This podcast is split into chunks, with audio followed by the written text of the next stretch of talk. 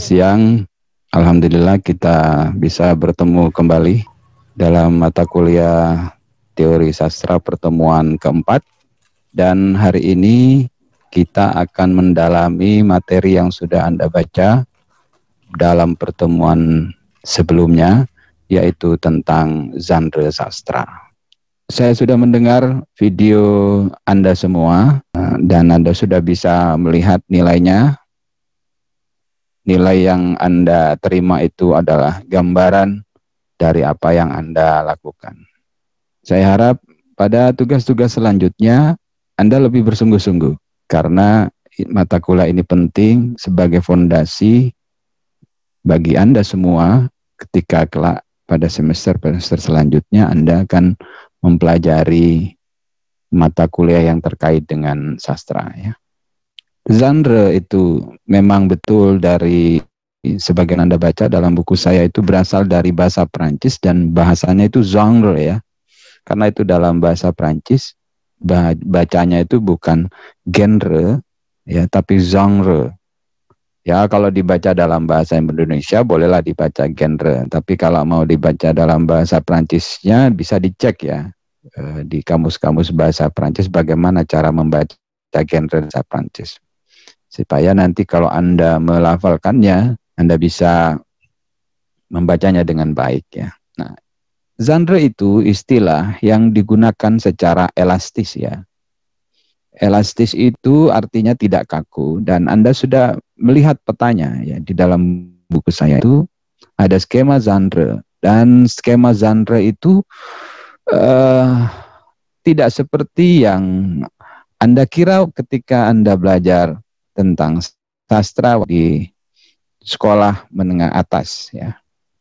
Mungkin di sekolah menengah atas Anda hanya mengenal tiga jenis genre umum ya. Yang dibedakan berdasarkan ciri-ciri penggunaan bahasa yaitu puisi, prosa, dan drama. Nah, secara uh, karakteristik ketiga genre itu memang berbeda.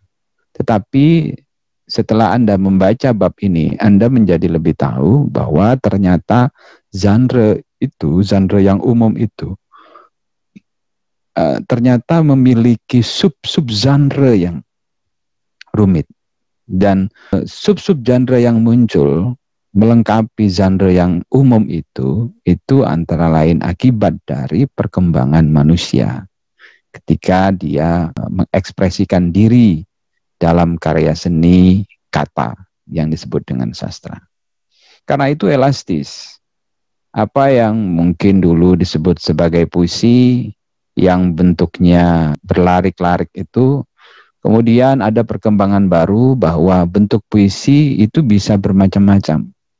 Dia bukan hanya dalam bentuk larik-larik seperti apa puisi pada umumnya ya dibuat berderet-deret begitu tetapi puisi juga bisa berbentuk seperti prosa. Jadi ada titiknya, ada tanda bacanya dan sebagainya. Nah, itu perkembangan kemudian. Elastisitas ini Anda sudah bisa lihat sendiri di dalam buku saya. Ada begitu banyak perubahan. Dia dinamis mengikuti perkembangan sastra. Ya, sangat dinamis. Ya. Jadi apa yang mungkin sekarang disebut puisi pada satu saat tidak disebut lagi sebagai puisi. Apa yang disebut sebagai novel satu saat bisa berubah statusnya. Perkembangan sejarah itu sangat menentukan. Bahkan Anda bisa dah membaca dari buku saya bahwa keberadaan genre-genre sastra pun itu penuh dengan perdebatan ya, penuh kontestasi. Di situ ada perbedaan pandangan tentang apa ini dan apa ini kan. Jadi genre di sini secara sederhana saya tegaskan lagi seperti yang Anda bisa lihat di layar ya. Itu istilah yang digunakan secara elastis untuk mengelompokkan karya yang memiliki persamaan ciri, tema, dan latar. Latar itu bukan dalam pengertian latar di dalam karya itu sendiri, ya bisa juga tentang latar di mana uh, karya sastra itu muncul ya bisa latar geografis bisa latar ideologis bisa latar uh, yang lainnya Ya, itu yang kemudian juga menentukan pengelompokan pengelompokan karya sastra. Anda sudah membaca dari bab itu bahwa kalau Anda mengerti genre sastra, sekarang mestinya pengetahuan itu membuka wawasan saudara semua bahwa oh ternyata sastra itu tidak sekecil yang Anda ketahui dulu waktu SMA. Rimba sastra itu ternyata belum banyak yang Anda ketahui. Oleh karena itu, setelah Anda mendapatkan pengetahuan ini, saya harapkan Anda bisa menjelajah sendiri karena tidak mungkin 16 pertemuan ini mendiskusikan semua apa yang secara sepintas dikabarkan kepada Anda melalui perkuliahan yang hanya satu jam atau melalui bab dua yang hanya beberapa lembar. Tetapi kata-kata kunci itu penting untuk membuat Anda bergerak sendiri sebagai bagian ini sebagai semacam peta penunjuk bagi Anda. Oh, kalau saya ingin menjadi mahasiswa pendidikan bahasa dan sastra Indonesia yang memiliki pengetahuan dan kecakapan atau literasi kesastraan, saya harus menelur yang nanti akan kita bicarakan di sini. Jangan menunggu. Anda bukan lagi siswa, Anda sudah mendapatkan level label maha di depan kata siswa. Anda harus meninggalkan siswa yang manja, yang menunggu gurunya berucap baru membaca. Jangan menunggu itu lagi. Anda sudah menjadi maha sekarang. Anda sudah hampir sama dengan Tuhan, maha pencipta. Dosen aja tidak ada yang maha dosen. Anda yang jadi mahasiswa.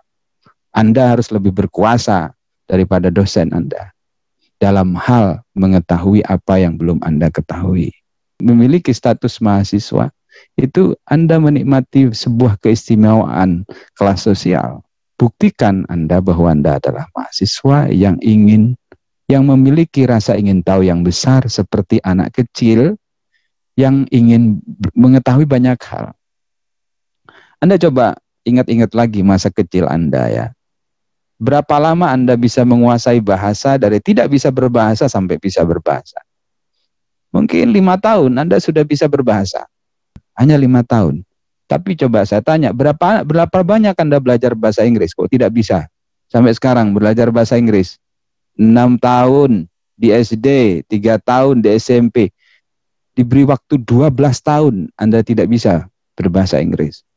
Mengapa? Karena Anda tidak memiliki naluri anak-anak yang ingin tahu.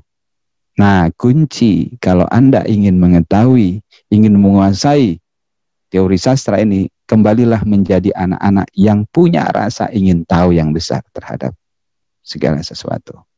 Jangan menunggu dosen Anda. Jadi apa yang disampaikan oleh dosen Anda itu semacam tanda titik noktah kecil dalam peta perjalanan keilmuan Anda. Percaya pada saya bahwa pada satu saat Anda bisa berada dalam posisi seperti saya apa tidak mungkin hanya pendidikan yang bisa memungkinkan seperti itu? Anda tidak mungkin di majelis tuan guru misalnya menjadi seperti itu, tidak mungkin kalau Anda tidak punya keturunan, ya.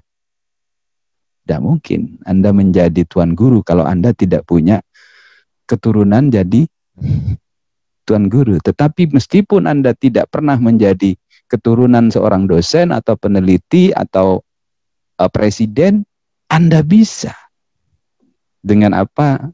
dengan pengetahuan. Pengetahuan itu adalah tangga untuk menuju ke sana. Ya, kuncinya apa? Kuncinya adalah membaca. Nah, ini dia manfaatnya.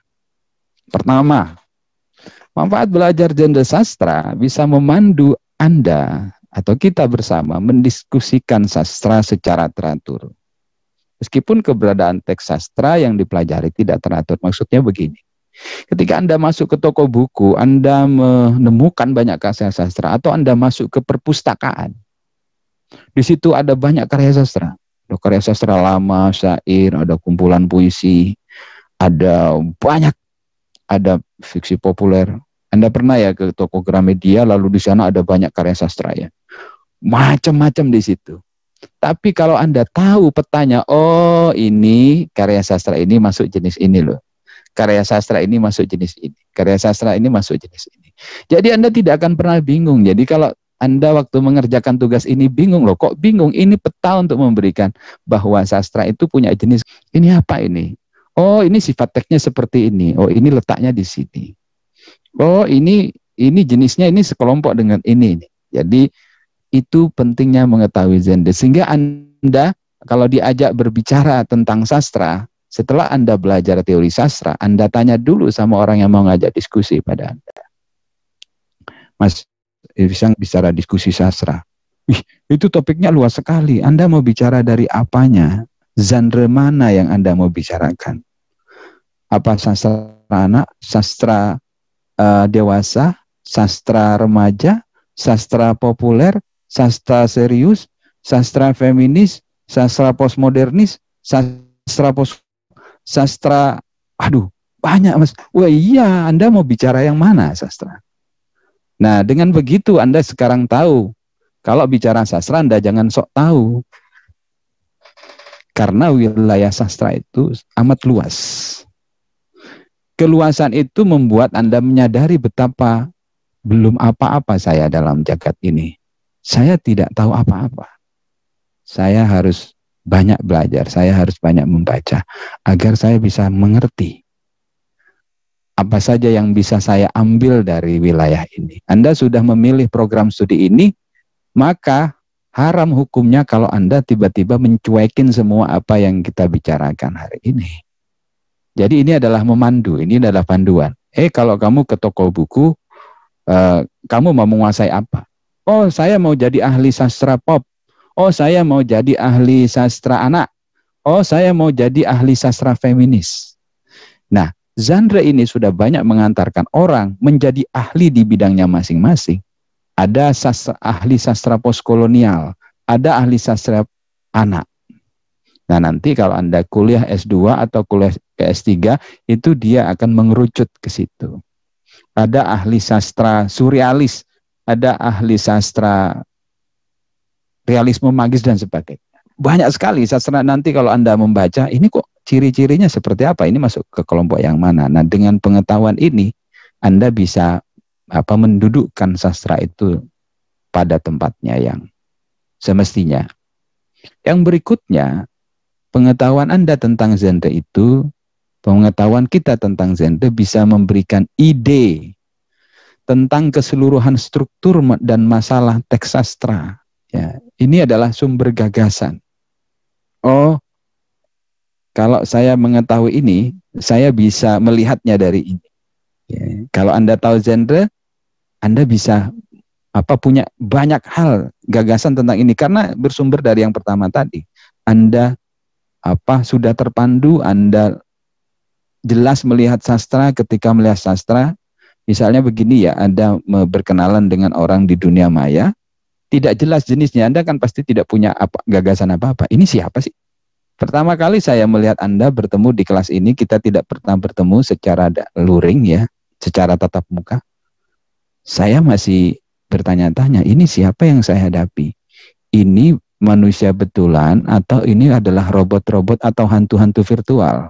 Nah, untuk menguji bahwa Anda bukan hantu virtual, saya buat tugas kedua. Oh iya, nggak mungkin hantu bisa pandai membaca atau kemudian menyerahkan tugasnya lewat daring. Nah, saya tambah yakin bahwa Anda bukan hantu ya. Saya khawatir saya sedang mengajar hantu.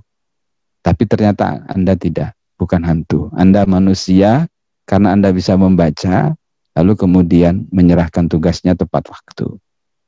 Nah, saya semakin yakin sama juga seperti ini. Lalu begitu Anda menyelesaikan tugas pertama, saya punya ide lebih banyak lagi. Wah, ini betul ini manusia, karena itu saya harus punya ide. Nah, seperti itu. Begitu pula ketika kita berhadapan dengan sastra, ketika kita tahu jenis karya sastra, ide kita banyak. Oh, kalau seperti ini, saya bisa mendiskusikan dengan orang begini. Kalau naskahnya seperti ini, saya bisa membicarakan orang seperti ini. Karena itu, panduan ini harus memberikan uh, pengetahuan awal bagi Anda ketika diajak bicara sastra untuk terus mengikuti perkembangan genrenya. Gitu. Nah, yang berikutnya, pengetahuan tentang genre itu bisa memperdalam pemahaman Anda apa tentang teks sastra dalam sudut pandang dalam pandangan komparatif. Maksudnya begini, ketika Anda menemukan sastra anak yang harus terpikir di benak Anda bahwa sastra anak ini adalah bagian sastra anak yang lain. Begitu pula ketika Anda menemukan fiksi surrealis, Anda jangan melihat bahwa ini adalah fiksi surrealis satu-satunya di dunia. Tidak, ini pasti ada teman-temannya. Nah, karena itu harus ditelusuri apa bedanya surrealis ini dengan surrealis yang lain. Apakah ciri-cirinya sama atau dia menggunakan perangkat-perangkat yang berbeda. Setiap klasifikasi eh, genre itu memiliki karakteristik yang sama. Tetapi sama di sini tidak sepenuhnya sama karena dia menghadapi persoalan-persoalannya masing-masing di mana uh, sastra itu hidup dan berkembangnya. Ini dia skema genre yang ditawarkan oleh Jacob Sumarjo ya. Jadi di Indonesia pembahasan tentang ini ya, genre sastra non imajinatif itu tidak terlalu berkembang. Nah, pembicaraan tentang genre sastra di Indonesia itu lebih banyak ke persoalan-persoalan sastra imajinatif. Bicara soal puisi, prosa ya, kemudian puisi dibagi menjadi epik, lirik, dramatik, tapi kemudian ternyata skema ini pun tidak mampu menampung perkembangan sastra kemudian. Ya. Ternyata sastra bukan hanya ini. Ya puisi bukan hanya epik, lirik, dan dramatik, banyak sekali. Ya. Jadi setiap ada macam-macam ya jenisnya. Kalau di sini epik, lirik, dramatik. Ya. Tapi kemudian yang dramatik ini menjadi sub-sub genre lagi, yang epik berubah lagi menjadi sub-sub genre. Yang lirik juga berubah bermacam-macam. Nah silahkan Anda telusuri itu bagaimana misalnya perkembangan puisi lirik di Indonesia. Lirik itu sudah berkembang ke mana? Ada yang mengembangkan lirik lirik pak lirik menjadi lirik prosais, ada yang mengembangkan prosa liris dan sebagainya. Itu perkembangan-perkembangan kemudian yang tidak bisa diwadahi oleh skema sederhana ini. Jadi ini sudah berkembang. Sama juga ketika prosa dibagi menjadi dua oleh dia ada fiksi, kemudian ada drama. Drama dibagi lagi menjadi drama prosa, ada drama puisi. Ya. Ini fiksi sampai di sini ada novel, ada cerita pendek, ada novel. Ternyata fiksi ini pun banyak jenisnya. Ya memang novel ya memang punya ciri novel ya seperti itu, tetapi apa sub-sub genre dari novel itu banyak. Ya itu yang kemudian oleh kawan-kawan di sini ditanyakan apa ini ada apa bedanya fiksi dan fiksi pop dan sebagainya fiksi serius dan sebagainya ya ada sampai muncul pertanyaan di situ tapi alhamdulillah anda sudah bisa memahami apa yang saya tulis di di bab 2 meskipun tentu pemahaman Anda perlu dikembangkan lagi. Jadi saya bersyukur Anda bisa memahami tetapi di antara yang Anda pahami masih ada yang tidak Anda pahami. Ini yang tidak Anda pahami menurut beberapa video yang sempat saya kumpulkan. Saya ambil eh, saya ambil video ini sebagai bentuk apresiasi saya, saya atas usaha Anda membaca bab itu ya. Kemudian membuat video yang jelas suaranya dan jelas gambarnya.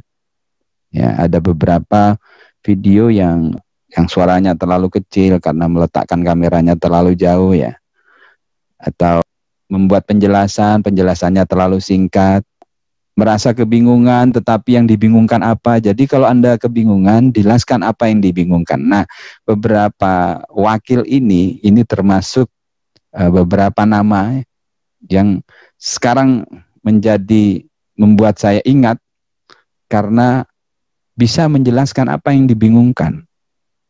Jadi kalau Anda bingung membaca bab-bab buku saya, jelaskan di mana bingung jangan apa jangan mengabstraksikan kebingungan karena saya tidak bisa me, me, menerka apa yang Anda bingungkan. Jadi kalau Anda bingung pada bacaan apa pun di program studi ini, silahkan jelaskan kebingungannya di bagian mana. Ya, mari kita dengar apa yang dibingungkan oleh Kalisa ya. Bisa. Beberapa hal yang saya tidak begitu paham karena saya baru temukan di buku ini uh, ada fiksi realis, surrealis, ada pasca modernis, pasca kolonial, subaltern feminis. Nah, um, genre-genre atau subgenre tersebut dari sastra baru kal baru ini saya temukan makanya saya mengatakan kalau saya kurang paham tentang hal tersebut. Berikutnya Dinda. Ini suaranya Dinda. Ini ya. Pun yang masih belum saya pahami ketika saya membaca buku Bapak saya Nul Hermawan di bab kedua ini yaitu di sini ada pembahasan tentang genre sastra. Diklasifikasikan heterogen seperti fiksi realis, fiksi serialis, fiksi feminis, dan saya belum mengetahui tentang fiksi-fiksi tersebut. Baik, selanjutnya ini suaranya saya bingung siapa ini? Terlalu saya pahami. Audina. Bagaimana sih cara mudah mengklasifikasi karya sastra berdasarkan ciri umumnya?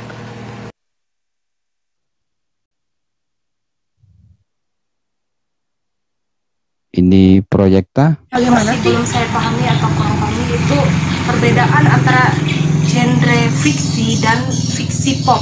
Jadi saya masih belum bisa membedakan antara dua dua genre tersebut. Apakah fiksi pop ini adalah fiksi yang untuk hiburan saja atau bagaimana dan yang fiksi biasa ini atau fiksi ini jenis-jenisnya bagaimana dan itu seperti apa itu saya masih belum begitu paham dan masih belum begitu mengerti. Ini suaranya Mega. Yang pertama yang belum saya pahami adalah pada kecenderungan baru yang mengakomodasikan studi sastra pop sejarah dengan sastra serius dan menginginkan, dan menginginkan penghapusan klasifikasi serius dan pop. Yang kedua itu pada feminis dan modernis terdapat pada pengelompokan genre sastra berdasarkan heterogen dan orientasi politik. Apakah hanya pada pengelompokan heterogen atau orientasi politik saja atau memang keduanya? Yang belum saya pahami ketika saya membaca bab ini adalah mengenai objek studi sastra terbatas pada sastra serius di awal 1970-an. Namun, klasifikasi tersebut dikritik oleh Remy Silado dengan pernyataan bahwa sastra serius juga main-main. Bagaimana bisa sastra serius dapat dikatakan main-main? Uh, kemudian ada juga menurut Dharma yang membahas mengenai kriteria bentuk dan isi dia mengatakan bahwa bentuk yang terlalu baik akan menghasilkan karya yang kosong, sedangkan isi yang isi yang terlalu dominan tanpa diimbangi dengan bentuk yang tepat akan menghasilkan karya yang menggurui. Baik. Siapa yang bisa menjawab karena apa yang ditanyakan oleh Marisa, oleh Mega, oleh proyekta itu tidak menjadi pertanyaan semuanya. Menjadi pertanyaan sebagian. Artinya sebagian yang lain itu telah paham itu. Bahkan ada beberapa video yang menjelaskan bahwa sama sekali saya sudah paham ini tidak ada yang tidak saya pahami. Jadi tolong dibantu saya dulu sebelum saya menjelaskan ke slide berikutnya yang sudah merasa paham dengan apa yang Anda baca, tolong jawab pertanyaan Marisa dulu. Saya ulang ya, pertanyaan Marisa. Silakan nyalakan yang mikrofonnya. Yang belum saya pahami ketika saya membaca bab ini adalah mengenai objek studi sastra terbatas pada sastra serius di awal 1970-an. Namun, klasifikasi tersebut dikritik oleh Remy Silado dengan pernyataan bahwa sastra serius juga main-main. Bagaimana bisa sastra serius dapat dikatakan main-main? Uh, kemudian ada juga menurut Dharma yang membahas mengenai kriteria bentuk dan isi. Dia mengatakan bahwa bentuk yang terlalu baik akan menghasilkan karya yang kosong, sedangkan isi yang isi yang terlalu dominan tanpa diimbangi dengan bentuk yang tepat akan menghasilkan karya yang menggurui. Yang bisa menjawab kebingungan Marisa, silakan.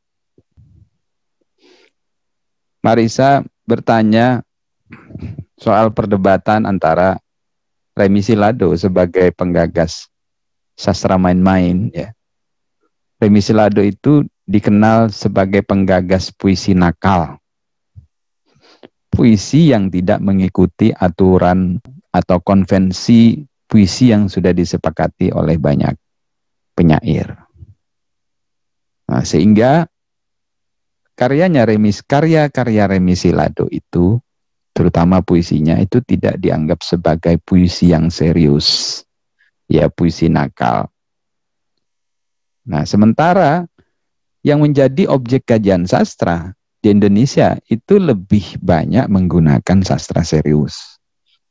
Dengan demikian, status sastra nakal itu kalah kalah martabat kan dengan sastra serius. Karena itu Remi Silado melawan melawan itu. Makanya e, menurut Remi Silado karya serius juga main-main. Mengapa Remi Silado mengatakan begitu? Tentu Remi Silado itu tidak asal bicara seperti itu. Remi Silado paham dengan filsafat bahasa. Jadi kalau orang mengerti dengan filsafat bahasa bahwa bahasa itu sejenis permainan dan setiap permainan itu ada aturan mainnya. Nah, maka sastra yang dianggap serius juga permainan yang memiliki aturan. Nah, Remi Siladu mengatakan itu, itu untuk membela genre yang diperjuangkannya. Dia membuat sastra yang main-main. Nanti dicari ya uh, teks puisi-puisinya Remi Silado yang dikenal dengan puisi nakal itu ya seperti seperti apa sih? Ya, dia tidak serius buat puisi, main-main, ya, seperti orang main-main. Itu berangkat dari teori bahasa juga. Itu ada teorinya bahwa bahasa sejenis permainan. Begini loh, orang main-main itu kan tidak selamanya tidak berguna ya. Kalau anda, anda yang suka main game, mungkin orang tua Anda main game aja, nggak ada gunanya bagi orang tua yang tidak tahu main game, kan begitu permainan itu menjadi tidak ada gunanya. Tetapi bagi orang yang menjadikan permainan itu sebagai usaha, pekerjaan, oh itu mendatangkan uang. Ada uh, perbedaan pendapat antara orang tua produk zaman dulu yang sangat anti dengan sesuatu permainan yang digital bagi mereka permainan itu buang-buang waktu permainan itu bukan sesuatu yang serius pandangan itu dibentuk oleh pengalamannya. Sementara pengalaman generasi kemudian juga dibentuk oleh pengalamannya, pengalaman sejarahnya. Dua orang ini sebetulnya sama-sama benarnya. Ya, mari saya begitu. Nah, ketika kita bawa pemahaman ini ke sastra, begitu juga bagi orang yang tidak suka dengan puisi Remi Silado, dia akan mengatakan puisi Remi Silado itu puisi main-main, tidak serius nggak layak masuk sekolah untuk dikaji menjadi bahan pelajaran. Remi Selado ya pastilah tidak terima dengan anggapan seperti itu. Seperti generasi baru protes terhadap generasi tua. Bagi generasi baru permainan itu mendatangkan uang, itu waktu yang sangat berharga, bersosialisasi dan sebagainya. Ya, jadi wajar kalau dia bilang kemudian ya yang serius juga main-main. Nah main-main itu artinya setiap segala sesuatu itu kalau Anda uh, misalnya gini, ada ada Anda mungkin ingat ada pepatah uh, dunia ini panggung sandiwara. Ya itu ya. Dunia ini panggung sandiwara. Sebetulnya dari pernyataan itu itu kesadaran bahwa orang di dunia itu main-main. Ada yang main politik, ada yang main pendidikan, ada yang main tambang, ada yang main macam-macam ya. Nah, setiap permainan itu ada aturan mainnya. Ya, permainan apa pun itu ada aturan mainnya. Nah, begitu juga dalam puisi puisi nakal, itu ada aturan permainannya, tidak mesti orang yang bagi orang yang serius belum tentu bisa bikin puisi nakal seperti puisinya Remi Selado. Sama juga, karena apa? Karena dia sudah punya rumus permainannya sendiri. Sama juga setiap permainan badminton ada aturannya, tidak boleh jadi pikirannya ya jangan jangan sampailah aturan main bola dipakai untuk menyalahkan permainan bulu tangkis kan sama-sama permainan. Boleh nggak aturan aturan main bulu tangkis dibawa untuk menilai aturan main basket? Nggak bisa. Setiap permainan itu punya aturan sendiri. Kan Remi Salado kira-kira seperti itu. Maka menurut dia, ya sudahlah hapus sastra serius dan tidak serius. Itu sama-sama sastra. Begitu. Dan itu bukan hanya terjadi dalam sejarah sastra Indonesia, itu juga terjadi di dalam sastra dunia. Itu yang nanti akan Anda pelajari lebih detail lagi dalam sejarah sastra ya. Mari kita dengar uh, pertanyaan Marisa lagi. Yang belum saya pahami ketika saya membaca bab ini adalah mengenai objek studi sastra terbatas pada sastra serius di awal 1970-an. Namun, klasifikasi tersebut dikritik oleh Remy Silado dengan pernyataan bahwa sastra serius juga main-main. Bagaimana bisa sastra serius dapat dikatakan main-main? uh, kemudian ada juga menurut Dharma yang membahas mengenai kriteria bentuk dan isi dia mengatakan bahwa bentuk yang terlalu baik akan menghasilkan karya yang kosong sedangkan isi yang isi yang terlalu dominan tanpa diimbangi dengan bentuk yang tepat akan menghasilkan karya yang menggurui. Nah, Pertanyaan terakhir itu soal hubungan antara bentuk dan isi. Ada pendapat yang mengatakan bahwa sastra yang terlalu menonjolkan bentuk, bentuk itu uh, dia memikirkan bahasa yang digunakannya tanpa memikirkan uh, isinya. Jadi misalnya mungkin Anda pernah me membaca karya sastra yang akrobat dengan kata-kata, canggih sekali kata-katanya, uh, rimanya bagus gitu ya. Atau kalau dia mendeskripsikan tempat bagus gitu. Tapi kosong. Tidak ada isi di dalamnya. Ya. Itu seperti itu yang dimaksud oleh uh, Budi Dharma ya.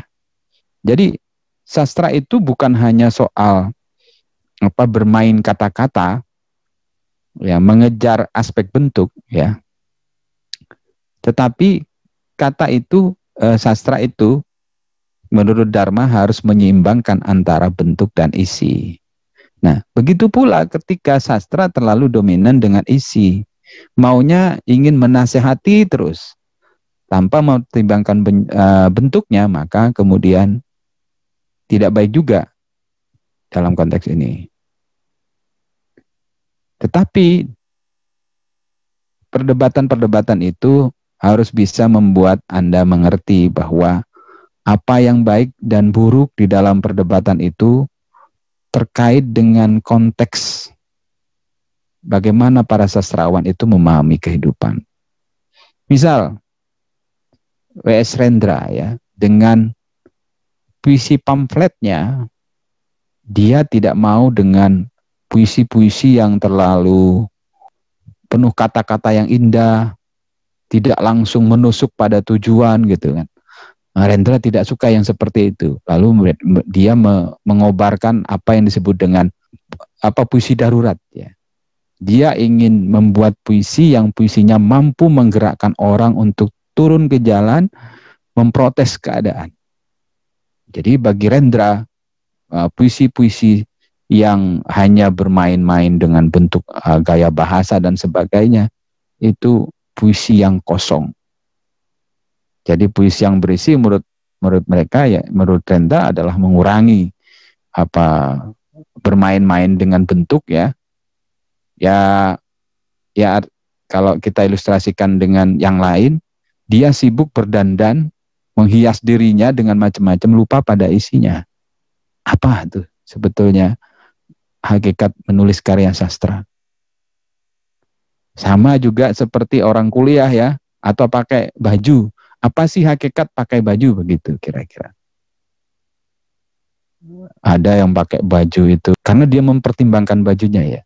Lalu kemudian dia bombastis, berdandan berlebihan, tapi tidak tahu apa maknanya dari berpakaian yang berlebihan itu. Sama juga seperti karya sastra.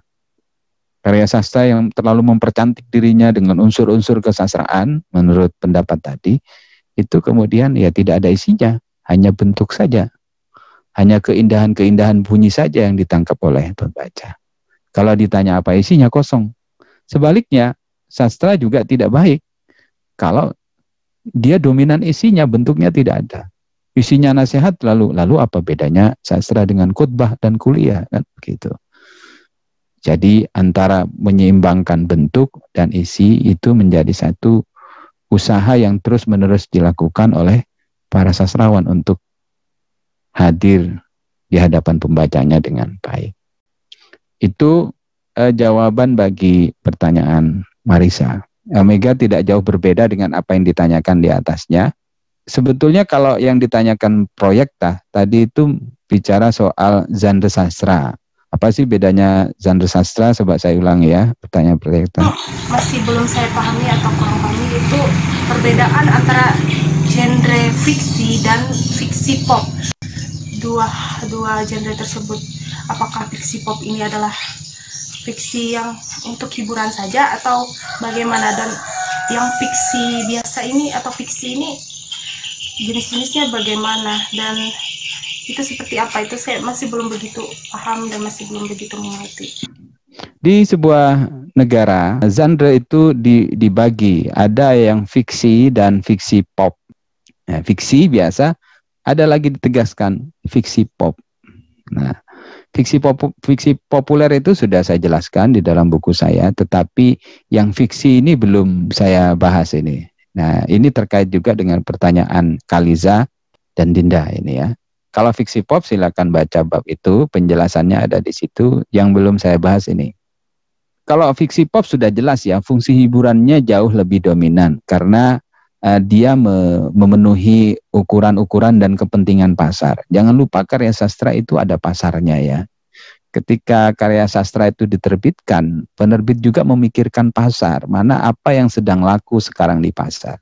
Kalau fiksi itu ada yang juga mempertimbangkan pasar, tetapi ya juga tidak uh, ya tidak seperti fiksi pop lah. Kalau apakah keduanya bisa dijadikan sebagai hiburan ya bisa, tetapi kecenderungan menghiburnya itu lebih dominan fiksi pop. Kalau fiksi masih ada tingkat perenungannya. Nah, jadi kalau di di negara-negara tertentu itu antara sastra, fiksi dan fiksi pop itu dibedakan. Jadi kalau sudah dapat label sastra itu karya yang dianggap di atasnya fiksi dan di atasnya fiksi pop. Dengan kata lain, nilai-nilai kandungan sastranya itu jauh lebih tinggi. Dia bukan hanya uh, di sana tadi ada ada genre yang namanya sastra hiburan dan sastra interpretatif, yaitu sastra yang ditulis untuk ditafsirkan. Kalau sastra pop, orang tidak perlu berkerut kening untuk memikirkan, ini cerita apa sih, ini puisi apa sih, jadi kalau sastra itu orang perlu berpikir panjang. Ini mengapa kok begitu ya? Jadi begitu. Ini kok begini ya? Ya jadi sastra yang namanya fiksi dan sastra ya. Meskipun ketiga-tiganya adalah sastra. Tetapi di negara-negara tertentu sastra itu digunakan untuk mengelompokkan karya yang secara bentuk dan isi itu sangat tinggi nilainya. Tetapi kembali lagi itu kembali pada politik sastra di mana karya sastra itu berada. Selanjutnya, saya akan menjawab pertanyaan dari Kalisa, Dinda, dan Audina ini ya. Apa tentang fiksi realis, fiksi surrealis, fiksi, fiksi pasca modernis, fiksi pasca kolonial, fiksi subalter, dan fiksi feminis. Yang menurut mereka dan menurut yang lainnya juga belum dijelaskan di dalam buku saya. Ini dia yang dimaksud dengan fiksi realis. Anda bisa baca sendiri ya fiksi realis ya. Seperti ini saya juga men menyertakan contoh novel yang termasuk pada fiksi realis. Di dalam fiksi realis ya ceritanya ya realis seperti kehidupan dunia nyata. Di situ tidak ada yang tidak nyata. Kalau di situ ada pocong, Nah, itu bukan realis itu. Cerita horor realis bukan? Bukan. Karena di situ ada sesuatu yang tidak masuk akal, tidak bisa diterima. Tokoh-tokoh di dalam fiksi realis itu seperti tokoh di dalam kehidupan nyata. Caranya makan sama, caranya berpakaian, caranya nyata seperti masyarakat yang digambarkannya. Kalau dia bercerita tentang orang Banjarmasin ya maka lanskap-lanskapnya latarnya ya latar Banjarmasin dia tidak mengada-ngada latar itu. Misalnya Duta Mall letaknya di situ, eh, jalan kampus Lambu Mangkurat letaknya di Kayu Tangi, ya di novel itu akan disebutkan. Begitu itu namanya fiksi realis. Ya. Selanjutnya adalah fiksi surrealis. Nah, fiksi ini jenis karya sastra yang mencoba menampilkan kualitas irasional atau mimpi. Jadi karya ini melampaui kenyataan menjadi alam dan imajinatif yang sering kali memiliki kualitas seperti mimpi. Jadi di sini ada yang pernah baca novel ini, karya sastra ini. Nanti kalau ingin mengetahui seperti apa karya surrealis ya, silahkan baca novelnya Eka Kurniawan yang berjudul Lelaki Harimau. Anda bisa akses di Ibu Senas atau Ikalsel ya, atau Anda baca novel uh, novelnya Franz Kafka. Itu terjemahan yang berjudul Metamorfosis. Atau Anda bisa membaca kumpulan cerpennya Danarto yang berjudul God Love. God Love ya. Nah, di situ Anda akan dibawa oleh penulisnya seperti Anda bermimpi. Anda pernah bermimpi ya? Nah, kalau jadi logika ceritanya, alurnya itu seperti mimpi. Kalau Anda pernah mimpi, ya itu udah. Jadi kehidupan kehidupan naratifnya di dalam teks fiksi surrealis itu seperti itu. Anda kalau bermimpi ya, eh, tiba-tiba ada di kamar, tahu-tahu sudah duduk di duta mall, Tahu-tahu ada di tempat lain yang Anda tidak kenal. Ketemu dengan orang yang tidak kenal ya gitu ya. Mimpi kan seperti itu ya. Lalu kemudian cerita sama anggota keluarga Anda, tadi malam saya mimpi buruk. Ketemu orang pakai baju hitam. Nah, seperti itu. Uh, urutan waktunya juga juga lompat loncat sini loncat sana. Nah, silakan Anda baca kalau ada kesempatan, mudah-mudahan Anda mau membacanya ya, supaya Anda tahu, oh ini yang dimaksud dengan fiksi surrealis. Tetap nyata ya, tetapi yang nyata itu di, di apa dikemas seperti mimpi ya. Ya. Ada yang tidak pernah bermimpi di sini. Kira-kira pernah bermimpi semua, insya Allah pernah bermimpi ya. Nah, mimpi kalau tidur itu ya, kan mimpi macam-macam. Nanti silakan Anda baca ini ya. Contoh karya sastra yang termasuk karya sastra surrealis ini. Nah, berikutnya fiksi realisme magis. Ini tidak ada tapi tidak ditanyakan. Tapi Anda harus bisa membedakan mana yang surrealis dan realisme magis. Nah, mungkin Anda sudah baca novelnya Harry Potter. Nah, itu termasuk fiksi realisme magis. Realisme magis nyata ya, nyata realis, makan seperti orang dalam kehidupan ya, menikah seperti orang dalam kehidupan. Tetapi di situ ada fantasinya. Nah, bagaimana cara misalnya Harry Potter itu untuk menuju ke negeri sihir? Ya. Dia harus masuk peron berapa? Gitu yang peron nggak wajar, peron yang orang tidak tahu, lalu dia menembus dinding, setelah menembus dinding, dia masuk ke kota sihir. Maka logika-logika kota sihir berbeda dengan logika di alam nyata. Itu realisme magis. Jadi penggambaran dunia nyata digabungkan dengan dunia fantasi. Itu realisme magis ya. Jadi kalau misalnya mungkin di science fiction itu realisme magis itu. Jadi nanti ada alien datang ya, eh, datang ke menemui tokohnya, lalu kemudian menculik tokohnya, membawa ke suatu tempat dan sebagainya. Itu realisme magis. Berikutnya fiksi postmodernis. Apa itu fiksi postmodernis? Fiksi postmodernis ini sering digambarkan sebagai fiksi yang merefleksikan dirinya sendiri sebagai karya sastra. Yaitu fiksi yang berpusat pada sifat fiksi itu sendiri. Ya, namanya metafiksi ya. Ya, dan ditulis seolah-olah fiksi tidak bergantung pada masyarakat, realitas dan alam apa pun di luar dirinya. Jadi bagi fiksi postmodernis, ya semua cerita adalah teks. Jadi dan teks itu bisa di dipermainkan. Nah, ini yang tadi disebut ini juga serius ternyata. Sekarang menjadi bahan kajian serius. Apa yang tadi ditanyakan bahwa bahwa yang main-main katanya juga serius. Nah, ini salah satu contohnya. Jadi teks sepenuhnya adalah permainan. Jadi orang menulis eh, menulis karya sastra itu bisa menggunakan karya sebagai sumber sumber untuk membuat karya sastra lain. Nah, ini contohnya Pisang Geni. Pisang Geni ini kan cerita wayang ya. Cerita wayang yang diubah oleh Seno menjadi novel. Nah, Kan itu cerita wayang, cerita ya cerita.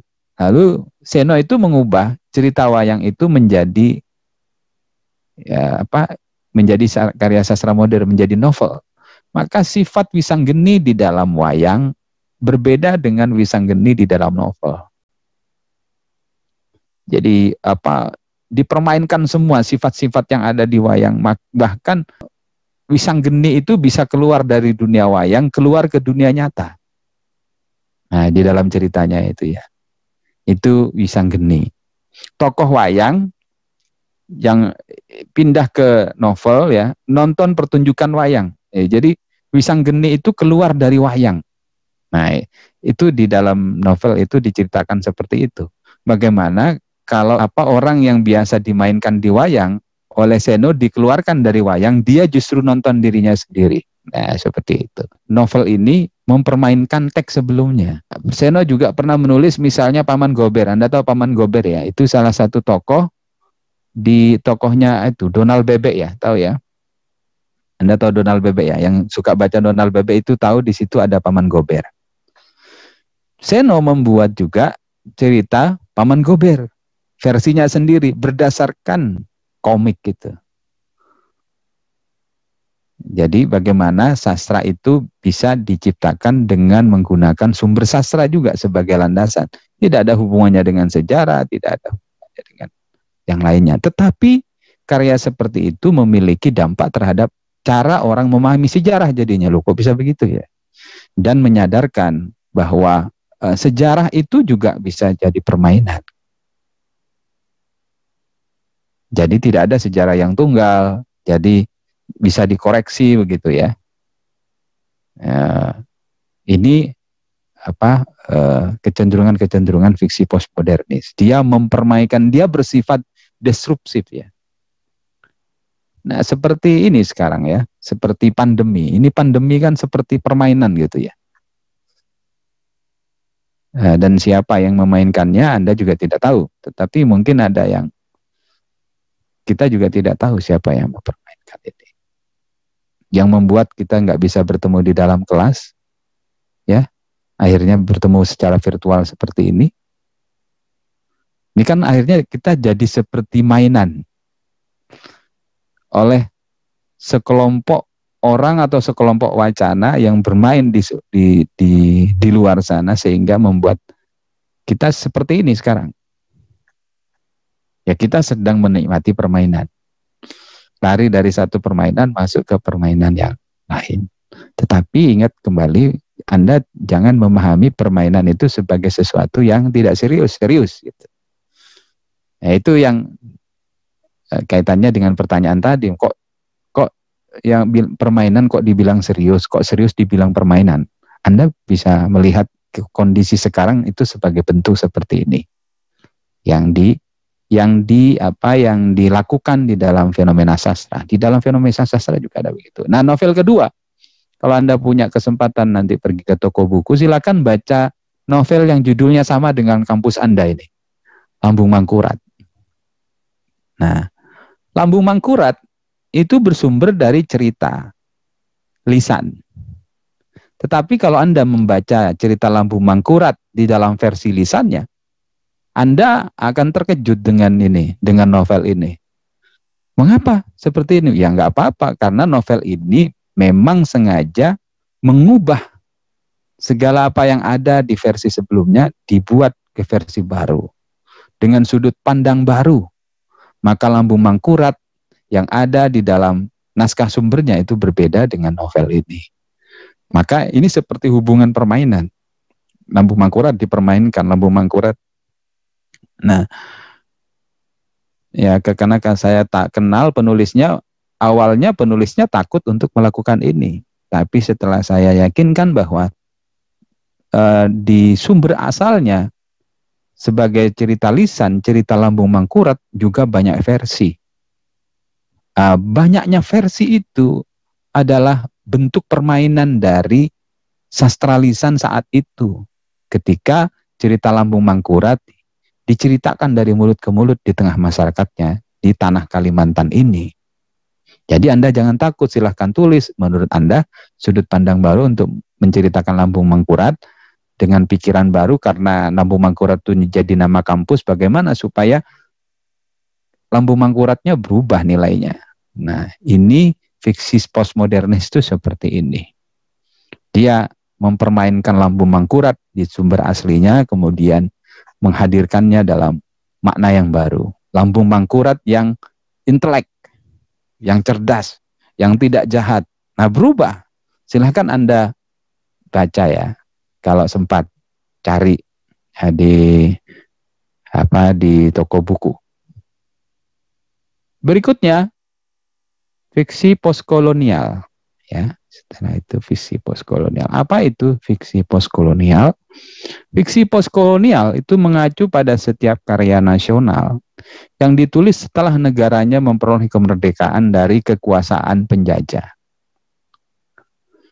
Ini juga gejala fiksi di dunia ya, karena hampir semua dunia, hampir semua negara-negara di dunia itu pernah mengalami penjajahan ya. India pernah mengalami penjajahan, Malaysia, Indonesia ya. Bahkan Amerika sendiri itu pernah mengalami penjajahan. Belanda yang pernah menjajah Indonesia juga pernah mengalami penjajahan. Nah, fenomena-fenomena kesastraan yang ditulis oleh sastrawan di negara tersebut merefleksikan peristiwa-peristiwa kolonialisasi di negaranya itu disebut dengan fiksi postkolonial. Nah, ciri-cirinya banyak itu. Menarik ya. Jadi ada orang bingung mencari identitas, sebenarnya saya ini siapa gitu ya. Uh, saya ini mentalnya itu mental siapa? Uh, sudah mengusir penjajah tetapi kalau menjajah bangsa sendiri kok lebih jahat dari bangsa penjajah gitu ya. Itu problem-problem manusia pasca kolonial. Nah ini beberapa contoh ya silakan anda baca novelnya Multatuli yang berjudul Max Havelaar ya ini ditulis oleh penulis sastrawan Belanda tentang apa tentang kehidupan sosial di Indonesia. Kemudian karya-karyanya Pramudia Anantatur ya. Yang tetralogi Bumi Manusia ya, Jejak Langka, Anak Semua Bangsa, Rumah Kaca, Bumi Manusia itu refleksi sastrawan tentang kondisi penjajahan. Ya. Itu ini namanya fiksi postkolonial. Selanjutnya adalah fiksi subaltern Nah, yang dimaksud dengan fiksi subaltern, fiksi yang disebarkan melalui internet, radio, media virtual apa pun, atau media non-konvensional. Ya, bagian dari sastra subaltern. Ya.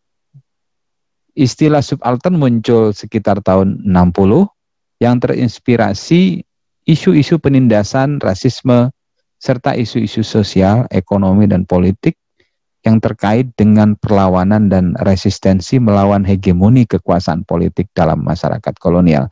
Ini masih terkait dengan pasca kolonial.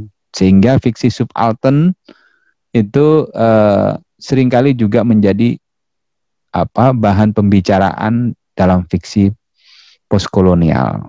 Tetapi kemudian fiksi subaltern ini meluas menjadi satu kelompok karya sastra yang me, apa, me, menempuh media baru. Ketika media lama, media konvensional sudah banyak dikuasai oleh uh, penentu-penentu selera sastra. Salah satu penentu selera sastra itu pasar ya. Jadi bukan hanya intelektual, bukan hanya sastrawan, bukan hanya kelompok-kelompok sastrawan yang berafiliasi dengan gerakan-gerakan politik ya. Maka ada sekelompok orang yang tidak setuju lalu kemudian membuat gerakan baru yaitu menyebarkan karya sastra melalui media yang tidak bisa lagi dikuasai orang. Misal, kalau Anda mengirim uh, karya Anda ke Kompas, maka Anda akan diseleksi kan. Uh, karya Anda belum tentu bisa diterbitkan karena di situ ada filter, ada penyaring. Dan penyaring itu adalah kekuasaan. Karena dia yang memiliki media, maka kalau kamu mau dimuat, kamu harus mengikuti permainan media saya. Balik lagi ke kata permainan. Jadi ikut kekuasaan saya. Nah, fiksi subaltern tidak mau dengan hal yang seperti itu, lalu mereka kemudian menggunakan cara-cara lain. Nah, ini ini menjadi tren atau fenomena global pada munculnya teknologi internet. Jadi sekarang kalau Anda lihat ya, ada sastrawan yang tidak dikenal di di apa di kanon sastra tapi dia memiliki banyak penggemar di internet ya internet itu menjadi ladang sudur bagi munculnya fiksi-fiksi subaltern. Jadi uh, dia itu ingin melawan kekuasaan yang mengendalikan selera orang. Mungkin anda pernah mendengar seperti Wattpad ya. Wattpad itu uh, apa sebuah jaringan orang menulis secara digital lalu kemudian menyebarkannya di situ ya. Dia tidak mau tetapi kemudian ya ada beberapa yang kemudian tidak konsisten juga akhirnya apa menerbitkan juga uh, bukunya di apa karyanya dalam bentuk cetak atau buku jadi mereka yang tetap konsisten dia tetap memilih jalur ini fiksi subaltern jadi dia memilih saluran penyebaran alternatif yang tidak bisa dikuasai lagi, dikontrol lagi. Jadi mereka punya karya dipublikasikan baik dan buruk urusan belakangan. Jadi urusannya adalah melawan dulu di dalam fiksi subaltern ini ya. Itu namanya fiksi subaltern. Jadi dalam konteks yang sangat spesifik dengan uh, penjajahan itu biasanya karya karya-karya fiksi subaltern juga masuk dalam diskusi pasca kolonial.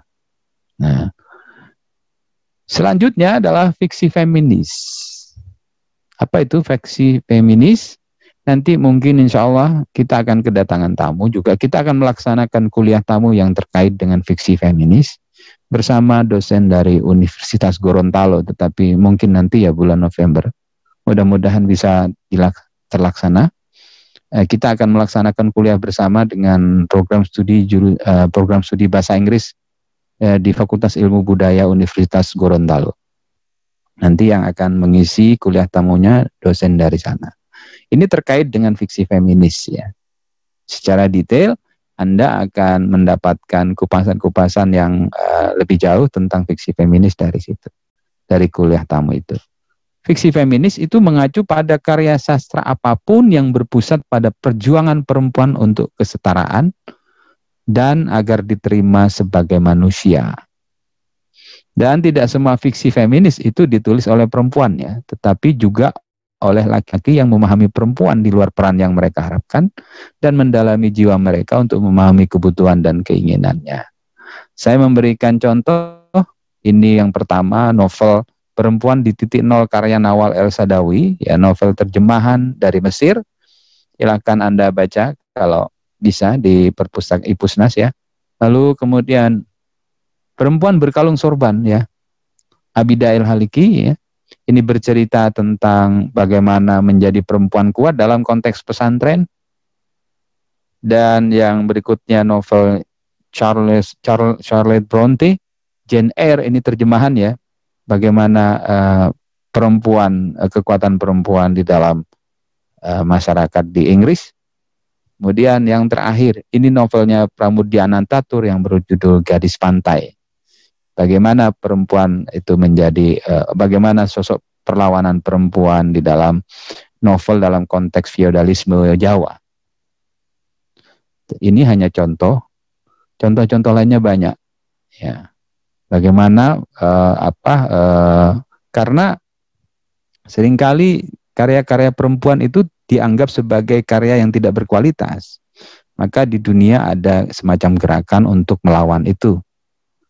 Jadi untuk mengusung satu jenis karya sastra yang khusus untuk mengoreksi kekuasaan laki-laki yang terlalu dominan. Ya. Nah nanti secara detailnya akan dibicarakan oleh dosen tamu kita yang akan datang untuk melengkapi pengetahuan awal ini bahwa ada fiksi-fiksi feminis. Nah itu dia jawaban saya atas pertanyaan-pertanyaan yang belum dipahami muncul di dalam bab dua saya, tetapi tidak sempat dibahas semuanya. Baik, sampai di sini sebelum saya akhiri, jika Anda ingin bertanya, silahkan nyalakan uh, pelantangnya. Baik, jika tidak ada yang ingin bertanya, saya ingin mengundang satu orang yang ingin menyimpulkan apa yang sudah kita bicarakan atau apa yang bisa Anda tangkap dari pembicaraan hari ini? Satu atau dua uh, peserta. Silakan nyalakan mikrofonnya, sebutkan namanya. Saya Pak. Ah, baik, uh, Nur Fitri Yanti ya, silakan Fitri Yanti ya. Di awal tadi ada dijelaskan mengenai apa itu genre sastra. Genre sastra berarti istilah yang digunakan secara elastis untuk mengelompokkan karya sastra yang memiliki persamaan ciri, tema, dan latar. Kemudian dibahas mengenai manfaat belajar genre sastra. Yang pertama, memandu untuk mendiskusikan karya sastra secara teratur, meskipun keberadaan yang dipelajari tak teratur. Kemudian yang kedua, memberikan ide tentang keseluruhan struktur atau masalah yang ada dalam teks sastra. Kemudian yang tiga, memperdalam pemahaman tentang teks sastra dalam pandangan komparatif. Kemudian, skema genre sastra. Sastra itu dibagi ada sastra non-imajinatif yang meliputi esai, kritik, biografi, autobiografi, dan catatan harian serta surat-surat. Kemudian ada sastra imajinatif, di dalamnya ada puisi dan prosa. Di dalam prosa itu meliputi fiksi dan drama, kemudian di dalam drama itu dibagi menjadi drama prosa dan drama puisi. Hal ini dikemukakan oleh Jacob Sumarjo dan Saini. Namun, ada catatan, skema ini tidak mampu menampung karya sastra karena karya sastra bukan hanya tentang ini saja. Contohnya saja di dalam puisi seperti etik dan lirik karena berubah menjadi sub.